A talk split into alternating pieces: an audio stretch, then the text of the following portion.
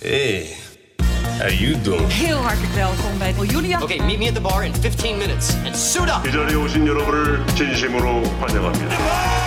Listen to what Mr. Shelby has to say. Je luistert weer naar Content Wars, je favoriete podcast over de wereld achter de content. Mijn naam is Jelle Maasbach en nog steeds bij ons ons zonnetje, formatontwikkelaar Kirsten Jan van Nieuwenhuizen, om het te hebben over een van de allergrootste hits van dit moment. Een serie die op Netflix staat. En als je dit jaren 80 nummer hoort, dan weet je als diehard fan wel over welke serie ik het heb, namelijk Stranger Things. Een serie ook die records breekt, zo lag Netflix zelf even plat in ons land. En is er al 1,2 miljard uur naar gekeken. Alleen Squid Game doet het beter. En ook buiten Netflix zorgt het voor records. Want het nummer dat je nu hoort van Kate Bush is 37 jaar na de release nog grotere hit. En het levert haar naar verluid zo'n 2,5 miljoen dollar op. Stranger Things is eh, bezig aan seizoen 4, richting het einde zou je zeggen. Maar daarmee eindigt het niet, want Netflix kondigt een spin-off aan. En daar gaan we het over hebben, de spin-off. En ik kan je verzekeren, ook al hou je niet van science fiction, zoals ik zelf, dan is deze aflevering ook leuk om naar te luisteren. Kirsten Jan, Ja, om te beginnen, Stranger Things. Ja, leuk. Ja, vind je het leuk? Ja, ik vind het ook leuk. Ik kijk er graag naar. Er zitten natuurlijk heel veel eh, eh, tachtiger jaren dingen in. Dat was, toen ben ik opgegroeid, het is mijn jeugd. Dus er zitten heel veel connotaties naar eh, verwijzingen eigenlijk naar Carrie bijvoorbeeld, beroemde film. Er zitten naar E.T., eh, Steven Spielberg. Er zit- het- het- ik vind het een hele leuke serie. Ja, en nu komen ze dus met de spin-off. Eerst maar even de uitleg. Wat is een spin-off? Nou, spin-off is eigenlijk, zijn eigenlijk eh, andere programma's, maar ook bijvoorbeeld, eh, daar gaan we het nu over hebben, andere programma's die gebaseerd zijn of een bepaalde link hebben met, eh, met het merk. Stranger Things als merk, als brand. En daar kan je een aantal spin-offs van maken. Er zijn heel veel voorbeelden van eigenlijk. Ja, weten we al wat Netflix gaat doen? Want ze hebben alleen aangekondigd, we komen met een spin-off. Maar weten we al iets wat ze zouden kunnen gaan maken? Eh, nou, da daar is nog niet zoveel bekend over, behalve dat die Duffer Brothers, dat zijn twee broers die het maken, die eh, hebben natuurlijk eh, meer verhalen. En op een of andere manier schijnt het er redelijk los van te staan. Dus je kan je afvragen of het echt een spin-off wordt of dat het gewoon hun nieuwe show wordt. Dus dat is het een beetje. Maar als, het, als je over indirecte spin-offs, er komt een, als het goed is, een toneelstuk in Engeland van Stranger Things. Ehm, en ook al, er is al wat merchandise van Stranger Things. En een paar leuke daarvan zijn onder andere dat je bij Walmart in Amerika kan je pizza's kopen. Die beroemde eh, ananas jalapeno pizza. Ja. Eh, die is te koop. Die kost eh 25 dollar voor vier pizza's, zag ik. Dus die, daar verdienen ze ook leuk aan. En eh, er is ook die eetbol die in dat, eh, zo'n zo'n balletje die dan vertelt wat je moet gaan doen. Zo'n grote bal met achterop die in dat laboratorium waar L, eh 11, 11 wordt eigenlijk opgeleid, zou maar zeggen. Die is ook te koop. Ik heb die gezien, maar dat is een van de personages uit, uit die... eh, Ja, Eleven is eigenlijk de hoofdrolspeelster. En die, die wordt in een. Heeft uh, buitennatuurlijke kracht. Ik zal niet te veel spoilen, maar dat, dat is redelijk bekend. En die wordt als kind wordt ze eigenlijk opgeleid. Uh, en daar eh, gebruiken ze een van die andere kinderen, want zij is kind nummer 11. Een van die andere kinderen gebruikt zo'n 8. En als je dan daaraan schudt, dan krijg je zo'n antwoordje. Die is ook te koop. En een ander wat, wat ook wel leuk was, wat ik las, is dat uh, er is een telefoonnummer voor de pizzalijn, uh, Serverboy. En die werkt echt, hè? En die werkt, ja. dus dat is heel, helemaal leuk. Ik weet niet of ze daar heel veel aan verdienen. Nou, we gaan straks he meer ja. hebben over de merchandising. Ja. En dan horen we ook van jou of dat nu slim is of niet, hè? die spin-off. Ja. In de hoofdrol. Eerst naar de persoon van dit moment. Wie staat er deze keer weer in de hoofdrol en waarom? Ja, het is een niet. Het is een productiehuis. Ja. ja, het is een productiehuis en dat heet Vincent TV. Daar heb ik het al eerder over gehad. Ten eerste, als eerste zou ik willen zeggen, is dat het best een heel succesvol productiehuis is. Uh, en ik ken ook de naamgever en de directeur, Vincent Tervoert. En die is echt een heel getalenteerde producer. Maar uh, wij sparen niemand, want uh, er is toch wel wat aan de hand met Vincent TV met betrekking tot een format, uh, Paleis voor een prikje. En dat stond, uh, werd ook genoemd. Paleis voor een prikje is een programma wat in totaal... Prikkie, toch? Prikkie, sorry, ja. voor een prikkie. heel goed. Ehm, wat bedacht is door een eindredacteur bij hem. En ehm, daar heeft hij een afspraak over gemaakt, over license fees, hè, over de rechten van dat programma's. Nou is het probleem dat als je met een nieuw programma bij een zender komt, dan zegt een zender heel vaak, ja, eh, wij gaan het als eerste uitzenden, dus dan betalen we geen license fee. In ieder geval niet voor het eerste seizoen. Als je dat normaal onderhandelt, ga je vanaf het tweede seizoen wel license fee betalen. Nou goed. Uh, de tweede is dat een zender vaak zegt: Ik wil minimaal de helft van de recht hebben, want wij zijn het eerste zender die dat doet. Kan allemaal wel. Um, maar dan zou zij nog steeds de andere helft, en die zou ze dan delen met Vincent V, zou ze dus nog een kwart van de rechten hebben. De, de, de bedenkster, want het is een vrouw, van het idee. Nou, puntje bij paaltje. Er zijn, meen ik even uit mijn hoofd, 39 afleveringen gemaakt in een aantal seizoenen. Waaronder ook een uh, seizoen bij uh, RTL. En deze dame heeft helemaal niks gezien qua license. En dat vind ik echt niet kunnen. Dat vind ik uh, zo'n nare situatie. Ook zeker, het is natuurlijk wat ik ook doe. En het, het gegeven dat je genaaid wordt in de tv-wereld, wordt hier maar weer eens mee bevestigd. En dat gebeurt ook regelmatig met mensen. Maar ik heb even uit zitten rekenen. Er wordt ongeveer 60.000 euro betaald per aflevering. Keer 39, ongeveer 2,4 miljoen heeft Vincent TV voor deze programma's gekregen. Als je dan uitgaat van zo'n 5%, wat de gemiddelde license fee oplevert, dan heb je het over 120.000 euro. Uh, nou, daar zou zij een kwart van hebben gehad. Ze zou sowieso recht hebben gehad, op, vind ik persoonlijk, op 30.000 euro. Ze heeft uiteindelijk van de rechter er maar vier gekregen, 4.000 euro. Omdat de meeste rechters in, in Nederland helemaal niet begrijpen hoe onze wereld werkt. Dus het is echt een schande. Maar ik vind vooral een schande van Vincent TV dat ze zeggen, zij hebben op die, ze hebben sowieso 2,4 miljoen aan, aan uh, budget gekregen om dit programma te maken. Nou, als je weet dat een, een uh, productiehuis tussen de 8 en de 10 procent winst maakt op zo'n productie, hè, dat is wat ze noemen de production fee, dan hebben we het over ongeveer een kleine 2 ton aan winst, wat, wat Vincent TV. Dat je dan niet gewoon de, ja, hè, dat je niet daarvan uh, een eerlijk deel geeft. Een, een klein, desnoods is het maar 40.000 of 30.000 van die 2 ton. Vind ik gewoon een godspe. Um, en dat vind ik echt niet kunnen. Dus daar staat dan overigens nog bij dat Vincent TV, en dan hou ik over op, uh, heeft vooral succes met gekochte formats. En ze zijn namelijk heel succesvol, vooral bij onze grote vrienden van SBS.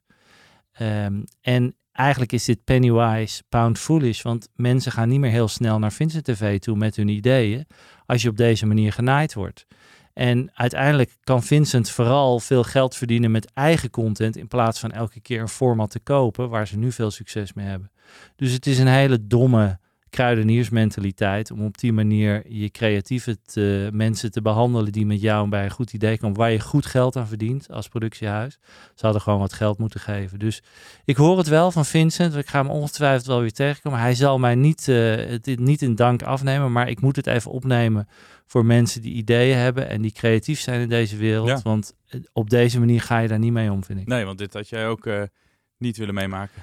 Nou ja, goed. Kijk, ik, uiteindelijk we, weet ik een beetje natuurlijk hoe je dan dat soort contracten moet maken. Je moet ten eerste altijd heel erg oppassen dat je er niet uit wordt ge, gemieterd tijdens die onderhandelingen. Daar zat zij natuurlijk niet bij tussen Vincent TV en Talpa.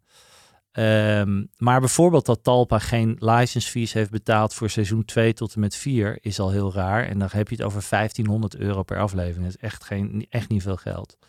Maar RTL heeft het laatste seizoen uitgezonden. En ook dat is een schande dat ze daar dan niet gewoon uh, license fees voor hebben betaald. rechten voor het idee moeten gewoon betaald worden. Um, dus het is, het is gewoon heel flauw. En het is ook van de rechterlijke macht in Nederland een schande dat ze niet strenger optreden uh, bij dit soort haaibaaierij van uh, producenten in Nederland. Want het gebeurt veel te vaak dat uh, de producent gewoon dit soort zaken wint, waarbij je aan alle kanten aanvoelt dat het niet kan en niet netjes is. Ja, dus uh, nou, laat het een les zijn. Uh, meer geld naar de creatievelingen, hè? Absoluut. Hey, terug naar de spin-off. Een van de directeuren van Netflix die had een interview met persbureau Reuters en die zei: We hadden eerlijk gezegd nooit kunnen voorspellen wat Stranger Things is geworden. Dus dan maar gelijk ook door dat succes een spin-off, denk jij? Zeker, ja. Kijk, uh, met spin-offs wordt gewoon natuurlijk die brand eh, lucratiever. En, en Netflix heeft natuurlijk echt wel een probleem. We hebben het daar vaker over gehad. Eh, inkomsten gaan naar beneden. Dus, en Netflix heeft één verdienmodel, namelijk hun abonnees. Daar moeten ze wat aan gaan doen. Dus Netflix probeert via merchandising. Hè, eh, we, we gaan het straks ook nog even hebben over Squid Game en een spin-off daarvan. Maar Squid Game heeft een gigantische merchandise. Alles kan je kopen, die pakken, die, die, die, die eh, eh, hoe heet het, die maskers enzovoort. Daar wordt geld aan verdiend. Netflix heeft niet zo lang geleden een gaming afdeling opgestart. Nou, Ja. dat duurt een tijd voordat je een game ontwikkeld hebt. Maar je kan ervan uitgaan dat er een, een Stranger Things game gaat komen. Weet ik zeker. Eh Casa de Papel game, absoluut. Squid Game game, ook. En van Squid Game komt er ook nog een gameshow op Netflix. Nou, enzovoort. Er is gewoon heel veel geld te verdienen als je zo'n ontzettend succesvol brand hebt om dat verder uit te buiten. Een leuk verhaal daarvan is Who Wants to be a Millionaire. Hè, Who Wants to be a Millionaire, een van de beroemdste formats, eh, ontstaan eind jaren 90. En Who Wants to be a Millionaire was de eerste jaren enorm succesvol. Dat stond op een gegeven moment te koop, want toen het een beetje afliep. eh, in 2007 stond het format te koop. Toen had het al in bijna tien jaar gelopen. Iets korter, dacht ik. Dacht dat het uit 98 was. Maar goed, er waren al honderden miljoenen met dat format verdiend. Alleen de bedenker van dat format, Paul Smith, die had gezegd... er mag helemaal niks aan dit format veranderd worden. Het wordt overal precies hetzelfde gemaakt. Er mag geen enkele spin-off komen. We gaan geen variaties doen enzovoort. Dat heeft hem heel rijk gemaakt en heel succesvol. En het programma ook. In 2008 waren er drie hele slimme Nederlandse mannen. eh Taco Ketelaar en Kees Abrams en Unico Glory. Die dachten, misschien moeten we dat format kopen, want er zit nog wel geld in dat format. Iedereen zei, je bent gek, want dat format Mhm. liep af. Ieder, heel veel landen hadden het al gedaan. Maar zij zagen de potentie van spin-offs. En zij dachten, als wij dat format hebben, dan kunnen we daar spin-offs voor maken. Want Paul Smith heeft dat nooit gedaan. Nou, die formats hebben ze uiteindelijk gekocht voor 150 miljoen euro in 2008. Iedereen zei, die zijn helemaal gek voor een format wat afloopt 150 miljoen euro. En zijn meteen begonnen met een aantal spin-offs, zoals we die nu ook nog kennen van Who Wants to be a Millionaire. Ehm, en hebben daar in de eerste jaren heel veel geld mee verdiend. En het grappige was, twee jaar later, in 2010, kwam Sony, Sony Pictures. En die zeiden, wij willen jullie bedrijf wel komen, want jullie hebben Who Wants to be a Millionaire en nog een heel veel andere goede programma's, waarvan een deel van mijzelf, eh, toen ik nog mijn eigen bedrijf had, maar dat terzijde. Eh, wij willen de hele hubs kopen, eh, omdat jullie zo goed Who Wants to be a Millionaire hebben uitgebuit en zoveel spin-offs ervan hebben. Daar zit echt nog geld in. En toen hebben Unico, Taco en Kees hebben de hele bubs, dat heette toen nog Two-Way Traffic, hebben de hele bubs verkocht voor heel veel geld en daar heel veel geld mee verdiend. Dus lang verhaal kort, eh, kan je dus echt nog heel veel geld verdienen als je slim met spin-offs gaat. Ja, gebeurt het ook veel? Want dat zijn dus drie wijze heren die Who Wants to be a Millionaire hebben, ja, zoals je zei, goed hebben uitgebuit. Maar zijn er meer formats die zich makkelijk laten ja, eh, leiden tot een spin-off? Ja, kijk, bijna elk format wat heel succesvol is, daar, daar kan je... The Walking Dead heeft een spin-off gekregen. Die doet het een stuk minder goed, maar nog steeds wel, eh, wel aardig. Squid Game, hadden we het net eventjes over, gaat een gameshow krijgen op Netflix. Hè, zijn ze nu mee bezig, waarbij ze ook met, ik dacht, 500 mensen gaan... Die zullen niet doodgaan als ze afvallen. Althans, het wordt gezegd, zou wel leuk zijn. Nee, zou niet leuk zijn. maar ehm, die vallen af en de winnaar gaat geloof ik met 4 miljoen of zo naar huis.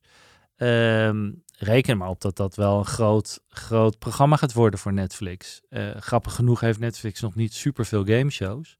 Maar dit wordt er wel eentje waarschijnlijk waar veel mensen naar gaan kijken. Het zou mij niet verbazen als Casa de Papel ook een, eh, een eh, spin-off gaat krijgen. Met een paar van die characters die zo waanzinnig populair zijn. Ja. Ehm, Breaking Bad had You Better Call Saul als spin-off. eh, wat ook een heel succesvolle serie is geworden. Dus het is voor, voor makers interessant om te werken met een brand wat mensen al kennen.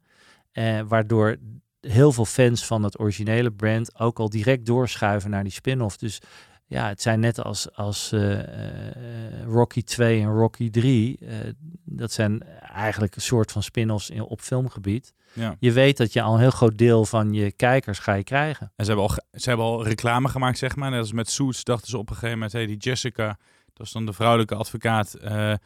die kan er wel spin-off gebruiken. Nou, dat mislukte. Net als met de Blacklist, dat ze daarvan een spin-off hadden... gebaseerd op mannelijke karakter. Een van de tegenspelers van de hoofdrolspeelster. Dat werkte dan ook niet. Dat Nee. zijn dan weer series die niet goed lukken. Ehm, maar zoals bijvoorbeeld met Miljoenenjacht... eh, met die koffertjes. Ja. De- Een spin-off was toch Deal or No Deal, is dat goed zeg? Nou, eh, klopt. Miljoenenjacht was eerst een, het finale spel, of het finale spel in Miljoenenjacht, laat ik het goed zeggen, was het koffertjespel. En dat was onderdeel van een veel groter programma. En uiteindelijk is dat een apart programma geworden wat Deal or No Deal was. Ja. Eh, dat is in een aantal landen, is dat met, een g- ook in Nederland, met een groot decor met 50 meisjes, mooie vrouwen die daar staan met koffertjes. Inmiddels staan er ook mannen bij. Ehm, Italië heeft vervolgens een spin-off gedaan waarin eh, tien mensen, een beetje zoals Buddy Vedder ook eh, in Nederland eh, onsuccesvol deed het laatste seizoen. Maar dat is in Italië ontstaan om gewoon tien mensen daar te zitten met een simpel doosje voor zich. Een leuke presentator en met een telefoon die met de bank ging bellen. Bo heeft dat een aantal jaar geleden heel succesvol gedaan. Dat was een Italiaanse spin-off. Ik weet dat John en eh, Dick de Rijk, die het programma bedachten, daar aanvankelijk helemaal niet mee eens waren. Die wilden niet dat dat gebeurde. Die wilden vasthouden aan die grote showtrap met 50 mensen, 50 eh, dames met de koffers.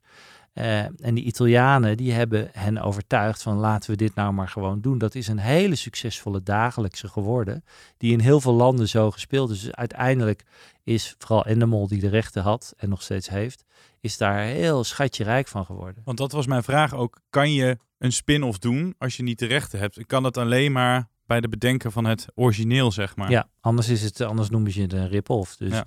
Of althans een rip-off, dat noem ik het. Ik weet niet of dat de officiële tele- term is. Maar in principe kan je gesued worden als jij heel duidelijk eh, het originele brand gebruikt. Ehm, er zijn zeker voorbeelden van. In China kunnen ze er nogal wat van. De, in China zijn er echt wel heel veel kopiëren ze alles. eh. ja, in China kopiëren ze heel veel. En die, en die partijen die dat doen, worden ook beschermd door de Chinese overheid. Dus ik weet dat er eh, rip-offs zijn geweest van The Voice en andere dingen. Eigenlijk wordt daar alles geript. Er is een heel mooie aflevering van Top Gear... waarin je ziet dat er gewoon een kopie van een BMW en een Mercedes in eh, China rijden. Exacte kopieën. En die grote bedrijven kunnen er niet eens iets aan doen. Eh, dus de- het wordt, het, ze proberen het, eh, maar de officiële spin-offs moeten altijd de rechten hebben en zijn ook vaak van de rechthebbenden van het originele, van de originele brand.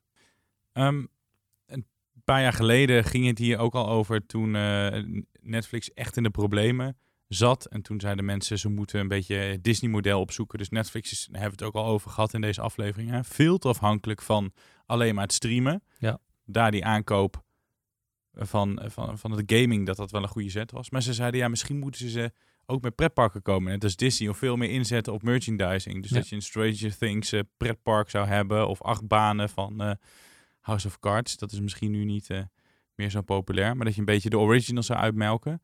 Ehm, denk je dat ze meer de kant van Disney ook opgaan? Nou ja, kijk, eh, ik denk dat pretparken, dat eh, die investering te groot is. Dat, daar heb je het echt over miljarden. En die, die games die ze maken gaat ook om heel veel geld. Maar dat zijn eerder tientallen miljoenen die het kost. Dus dat is toch net iets makkelijker. Ehm, wat je vroeger zag bij pretparken is dat er ehm, bepaalde rides werden vernoemd naar bepaalde brands. Dus je had eh, de Superman ride en dat soort dingen. Eh, helaas, omdat Disney inmiddels ook een, een, een enorm mediabedrijf geworden is, zal je dus niet snel zien dat Netflix-titels in Disney-parken zullen komen.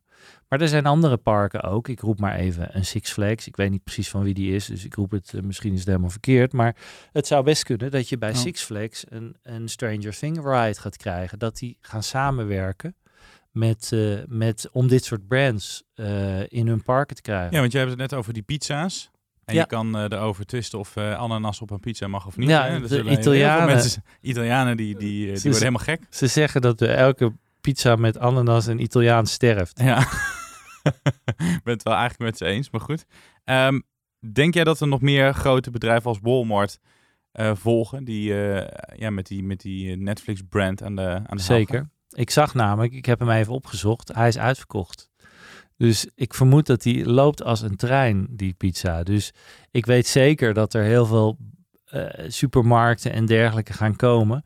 Ehm, eh, dat, eh, zij hebben gewoon door dat het gewoon hot is. En die, die branding is zo belangrijk dat iedereen vindt het natuurlijk super leuk Ja. om een serverboy pizza te serveren. Nou, wat die serie teweeg brengt. Dus bijvoorbeeld dat nummer van Kate Bush, waar ik het in het begin van de uitzending over had. Die heeft nog nooit de top 5 gehaald. En nu in één keer staat ze overal ter wereld eh, zo'n beetje staat ze Ja. in de top 5, En- top 3. En het leuke daarvan is daar, de, dat eventjes terug, dan is een mooi bruggetje naar, naar in de hoofdrol. Zij had alle rechten hè, van, dat, eh, de, de, van dat nummer. Ja. Waar normaal er altijd platenmaatschappijen tussen zitten. Maar ze heeft alle rechten eh, zelf uitgebracht en eh, behouden. En is daardoor nu heel rijk. Of heel rijk. eh, iets van, jij zei iets Ja, van. ja, rond de 2,5 miljoen heeft Ja. ze er waarschijnlijk Dus dat is gewoon heel leuk. En ik ben daar natuurlijk helemaal.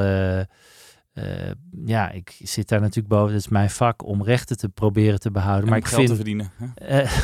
eh, ehm, en het, kijk, het belangrijkste is natuurlijk dat je mensen die dingen bedenken, dat je die ook beloont. Zou het hier werken? En dan tijd eh, voor het buitenlandse format. Is het alleen daar leuk of ook hier? En jij hebt een format meegenomen en dat komt van de Zuiderburen. Ook een keer leuk, wat dichter bij huis. Ja, ehm, even weer een shout-out naar mijn gewaarde, gewaardeerde collega Bart van der Bos. Eh, die kwam met dit leuke voorbeeld. Eh, de Belgen zijn heel succesvol de laatste jaren. eh, met best wel veel formats. De slimste mens komt uit België. Wie is de Mol komt uit België. Ehm, eh, Waas is, Tom Waas is heel populair. Er loopt een programma door de lage landen eh, op NPO 2, wat heel succesvol is. Dus Belgische formats zijn heel succesvol. Eh, Belgen weten een soort sfeer en een soort gezelligheid en een soort rust in hun programma's te brengen, waar Nederlanders inmiddels heel erg van houden. Nou loopt er eh, op, de, op één, dat is de grootste publieke omroep van België, loopt al vier seizoenen een programma dat heet De Columbus. En de Columbus is eigenlijk een, een reisprogramma waarin de presentator ehm, eh, Wim Liebaar heet hij, even kijken. Kijk goed, ja, Wim Liebaard inderdaad. Ik had het opgeschreven, want eh, ik weet zijn naam niet uit mijn hoofd. Die rijdt in een oude verbouwde schoolbus, neemt een bekende Belg mee een week lang op reis. En ehm, samen met een kaart, ze doen het dus niet op een navigatie en een kompas die in hun bus staat, rijden ze samen eigenlijk de horizon tegemoet en hebben ze een hele mooie week samen. En dat is een heel leuk programma. Het is mooi gemaakt, het is prachtig gedraaid. Het heeft een hele leuke sfeer. En ehm, het lijkt natuurlijk op een aantal programma's die in Nederland al lopen. Hè? Van eh, waar is de mol? Of, waar, is, eh, waar is de mol? Had dat een beetje. Eh, als we het nog even over Johnny eh, kunnen hebben. Maar ehm, er zijn meer van dit soort programma's. Maar toch denk ik, en het is heel succesvol op één, met meer dan een miljoen kijkers. Ehm, ik denk dat dit wel in Nederland zou kunnen als variatie op, omdat het gewoon een heel gezellig, leuk, fijn programma is. Ze gaan heel Europa door. Een week is best lang tussen twee BN'ers, althans de presentator en elke keer een andere BN'er. Ehm, maar het, eh, het heeft de juiste sfeer en het zou zomaar eens voor één kunnen werken. Dus ik, ik geloof echt dat dit een programma kan zijn. Ik heb laatst weer eh, Raven zitten kijken op de boerderij. Dat lijkt me ook wel lachen als je haar in een bus zet en dan met een BN een week lang. Ja. Dat zou misschien wel een goede Ja, want ze lopen ook soms vast met die bus, weet je wel. Het Oh, is ja. eh, dus ze hebben allemaal avonturen. Ze slapen in die bus, die bus is helemaal omgebouwd. Ze komen op de mooiste plekken. Het is gewoon een heel leuk programma. Dus het is het, inderdaad wat jij zegt. Het zou zo een volgend seizoen van Raven kunnen zijn of een ander seizoen. Mooi. Columbus. Columbus, de Columbus op één. Terug naar de spin-off. Eh, je zei net eh, uitmelken. Hè? Dat is Ja. het toch wel een beetje. Ik wilde het hebben over slechte voorbeelden. Ik had net ehm, Suits heb ik eh, aangehaald. Ja, Ehm, en dan The Blacklist. Nou, weet je, Amerikaanse series. En How I Met Your Mother heb ik wel eens gezien. Dat vond ik wel aardig. Die kreeg ook best wel een goede rating, 7,5. En nu hebben ze dus een, een spin-off, How I Met Your Father. Nou, dat is niet echt heel goed. Die wordt echt neergesabeld. Dus Ja. er zitten wel eens slechte dingen tussen, laat ik het zo zeggen. Ja, zeker. En het, het, het lastige is natuurlijk, als je een heel succesvol brand hebt, dan zijn de verwachtingen vaak ook hoog. De meeste succesvolle brands zijn vaak gewoon heel goed gemaakte programma's. En dan als je met een spin-off komt, dan ligt de lat natuurlijk wel hoog. Dus je, die, de kijkers, de fans verwachten er wel wat van. Eh, dus aan de ene kant is het redelijk makkelijk, omdat je denkt, ik krijg meteen een, een, grote aanvangsbelangstelling van de kijk. Aan de andere kant merk je dus dat mensen wel zoiets hebben, het moet wel echt goed zijn. Ja. En als dat, eh, en als dat niet zo is, word je direct af, a- afgesabeld. Dus eh, afgemaakt, doodgesabeld, geslacht. Dus ehm, dat is het risico. En er zijn heel veel voorbeelden. Je kwam er met een paar inderdaad, van waarvan je denkt, hadden ze beter niet kunnen doen. Ja, die zijn echt allemaal in de VS. Kan je uit het blote hoofd eh, een, een Nederlandse spin-off verzinnen? Ik heb ook het idee dat het echt iets Amerikaans vooral is. Het is zeker Amerikaans. Amerikanen staan er bekend omdat ze vaak op zee willen spelen. Daarom heb je ook zoveel sequels van films. Ja. Eh, er gaat natuurlijk heel veel geld in Amerikaanse tv en film om. Dus de risico's moeten daar eh, Ja. beperkt blijven. Dus ze gaan vaak op ook dit, altijd de kritiek hè, van, oh Ja. god, komen ze weer met een deel. Ja. ja. Eh, op dit moment zou ik even, zo uit- puur uit mijn hoofd weet ik, en oh, zit ik te denken over het Nederlands. Nou, ik weet het even. Kijk, de grap was, de, de bus was natuurlijk een, een eigenlijk een, was niet echt een spin-off, was meer een rip-off. Want de bus was van SBS als, als eigenlijk antwoord op eh, Big Brother. Mede door jou verzonnen. Eh, nou ja, in de, ja, absoluut. In het team zaten we, we dat, dat ontwikkeld hebben. Dat was natuurlijk bij far niet zo'n groot succes als Big Brother. Dus in die zin, volgens mij zijn er twee seizoenen geweest, dacht ik even uit mijn hoofd. Kunnen er drie zijn geweest. Maar lange na niet natuurlijk het, het mega succes van Big Brother. En dat is dan eigenlijk een beetje, dat is dan niet echt een spin-off. Dus misschien is het niet het juiste voorbeeld. Ik weet dat er heel vaak gepraat is om eh, een spin-off te maken van het mooiste meisje van de klas. Wat natuurlijk een heel succesvol programma is. En ik weet dat ze geprobeerd hebben om het stoutste jongetje van de klas te maken. Ja, dat heb je een keer verteld. En toen Ja. dacht ik, dat is echt een leuk idee. Ja, dat dacht ik ook. Dus ik, en misschien is dat nog steeds iets. Het stoutste jongetje van de klas ben je toch altijd benieuwd naar van wat is er met het boefje gebeurd. En vaak worden dat hele succesvolle mensen.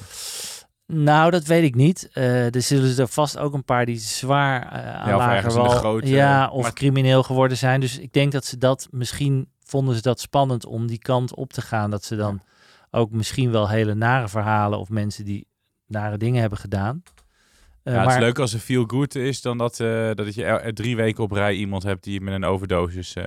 Ja, of die, die zware crimineel is geworden. Die zal het stoutste jongetje van Ridouan Taghi eh, in de klas bij Ridouan Taghi. Weet ik niet of je dat wil maken. Maar ehm, ja, dus eh, ik weet het niet. Ik, het, het is eh, spin-offs aan de ene kant inderdaad. Als je een goed, goed idee daarvan hebt, kan het echt wel werken.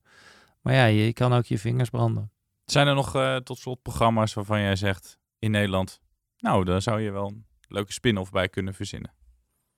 Eh, nou, ehm, wederom even. maar, eh, Ik had het er met, eh, met Bart van der Bos over, mijn collega. en die kwam zelf met iets goeds. Die zei, waarom is er eigenlijk nou nog steeds geen goede spin-off gemaakt van Boer zoekt vrouw? En dat vond ik een goede opmerking, want ik dacht ook van hoe- allergrootste programma van jaren. Waarom is er nooit iets qua spin-off gekomen qua Boer zoekt vrouw? Eh, dus dat is echt wel iets dat je denkt van ja, als je daar toch iets goeds van bedenkt. Ik weet dat er al allerlei dingen zijn geprobeerd. Eh, ook slechte, slechte eh rip-offs ervan, van boeren. Ik weet dat Talpa er een heeft gehad, die was heel slecht, zoals wel vaker. Ehm, maar ja, dus ik, ik zou denken bij het Boer zoekt vrouw, als je daar toch iets weet, weet, weet te verzinnen. Zeker nu met al die negatieve eh, eh, reclame rond boeren. Als je dan toch iets, ja, wat de boer niet vreet, weet je wel, dat soort titels. Misschien een serie maken eh, midden op de snelweg. Ja, nou ja, ze kunnen wel wat... Een idioot weer een snelweg aan het blokkeren is. Maar kunnen wel wat goodwill gebruiken, volgens mij, die boeren. Maar, eh, dus dat zijn daar er, nou ja. misschien nog wel, daar zit dus misschien nog wel een spin-off in. Zeg. Ja, en kijk, ja, je kijkt natuurlijk heel snel als formatmaker en de zenders ook naar heel succesvolle programma's. Dus er zijn meerdere vormen van eh, heel Holland Bakt natuurlijk geweest. En de Cupcake Race is, een, is niet de officiële spin-off, maar is er echt wel op gebaseerd. Dus heel vaak zie je ook dat succesvolle programma's geen spin-offs krijgen, maar die niet direct met het brand te maken hebben, maar wel heel vaak programma's die er heel erg op lijken. Nou, dit was hem alweer bijna, dus dan moeten we elkaar weer eh, even een tijdje missen. Maar voordat we helemaal afzwaaien, nog even onze korte tip van de serie of de film of, of eh, het format dat je gezien moet hebben. Laat ik even aftrappen met de mijne. Die staat op Ja. de Videoland. Ze weten alles van je, heet die. En het gaat over de verdwijning van cyber-expert Arjen Kamphuis. In 2018 verdween die op mysterieuze wijze in eh, Noorwegen. Goed gemaakt, echt goed gemonteerd. Eh, vier afleveringen van een half uur, dus het kijkt ook makkelijk snel weg.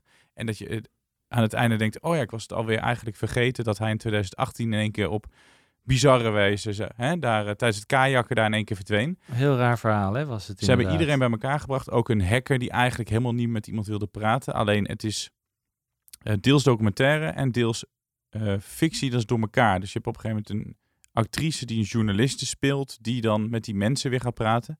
En dat maakt het af en toe wel een beetje lastig. Dus dat is mijn enige kritiek. Ja.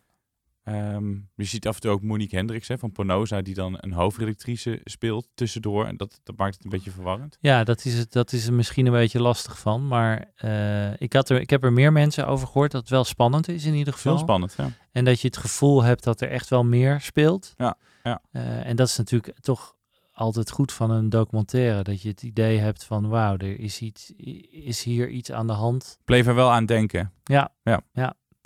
Nou ja, als we in de documentaire hoek zijn. Ik wist niet wat jouw, eh, jouw tip ging worden. Ik, moest, eh, moest, eh, ik moet er nog naar gaan kijken. Heb ik er een van, van Netflix, ook een documentaire. En die heet Keep Sweet. Keep Sweet, Pray and Obey. En dat is echt een huiveringwekkend documentaire over een secte een, eh, van mannen die meer vrouwen hebben in Amerika. Eh, met eh, hun leider, die uiteindelijk, ik meen even, 27 vrouwen had, of nog veel meer. En heel veel kinderen en allemaal heel veel minderjarige vrouwen. En het is Hmm. echt, het wordt, Bizar. gaat van kwaad tot erger. Het is goed gemaakt. Je, je, je, je zit erbij, je kijkt erna dat je denkt, hoe kan dit gewoon gebeuren? En het erge is dat ze, die secte nog steeds bestaat. Uiteindelijk de, de man die ze leiden is in de gevangenis terechtgekomen. Is, maar die leidt vanuit de gevangenis de secte. En al die meisjes, al die vrouwen die daar zitten, die zitten nog steeds in die secte over het algemeen. Dus het is ook dat je denkt van, hoe kan dit nog, anno 2022? En ehm, ja, het is echt, eh, als je van dit soort crime documentaires houdt, waar wij allebei van Ja, houden, is Keep Sweet ook wel een tip dat je denkt van, ja, het is zo, het is zo na- naar ook. Wij hebben het eh, samen wel eens gehad over de Puppet Master. Dat gaat over die man, Ja. over dingen gesproken die nog steeds bezig zijn. Die al decennia lang net doet alsof hij een agent is van MI5. En hele gezin heeft verwoest. En zelfs een vrouw eh, dus ervan heeft overtuigd. En daar nog een moeder van twee kinderen mee ergens in Groot-Brittannië zit. Ja. Het is verfilmd. ehm, met James Norton, eh, een acteur, ehm, in de hoofdrol.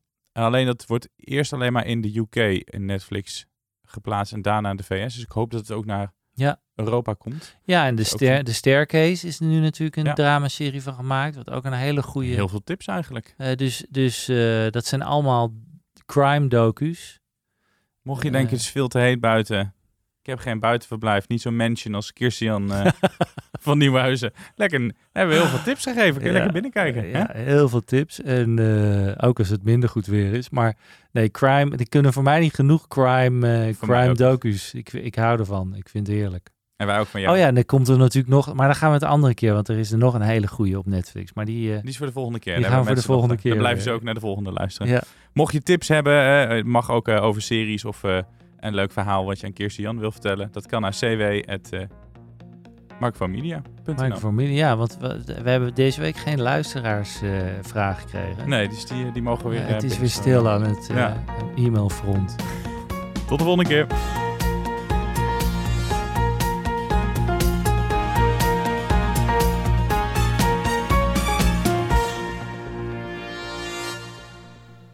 Ben jij content met deze content? Vergeet je dan niet te abonneren op Content Wars.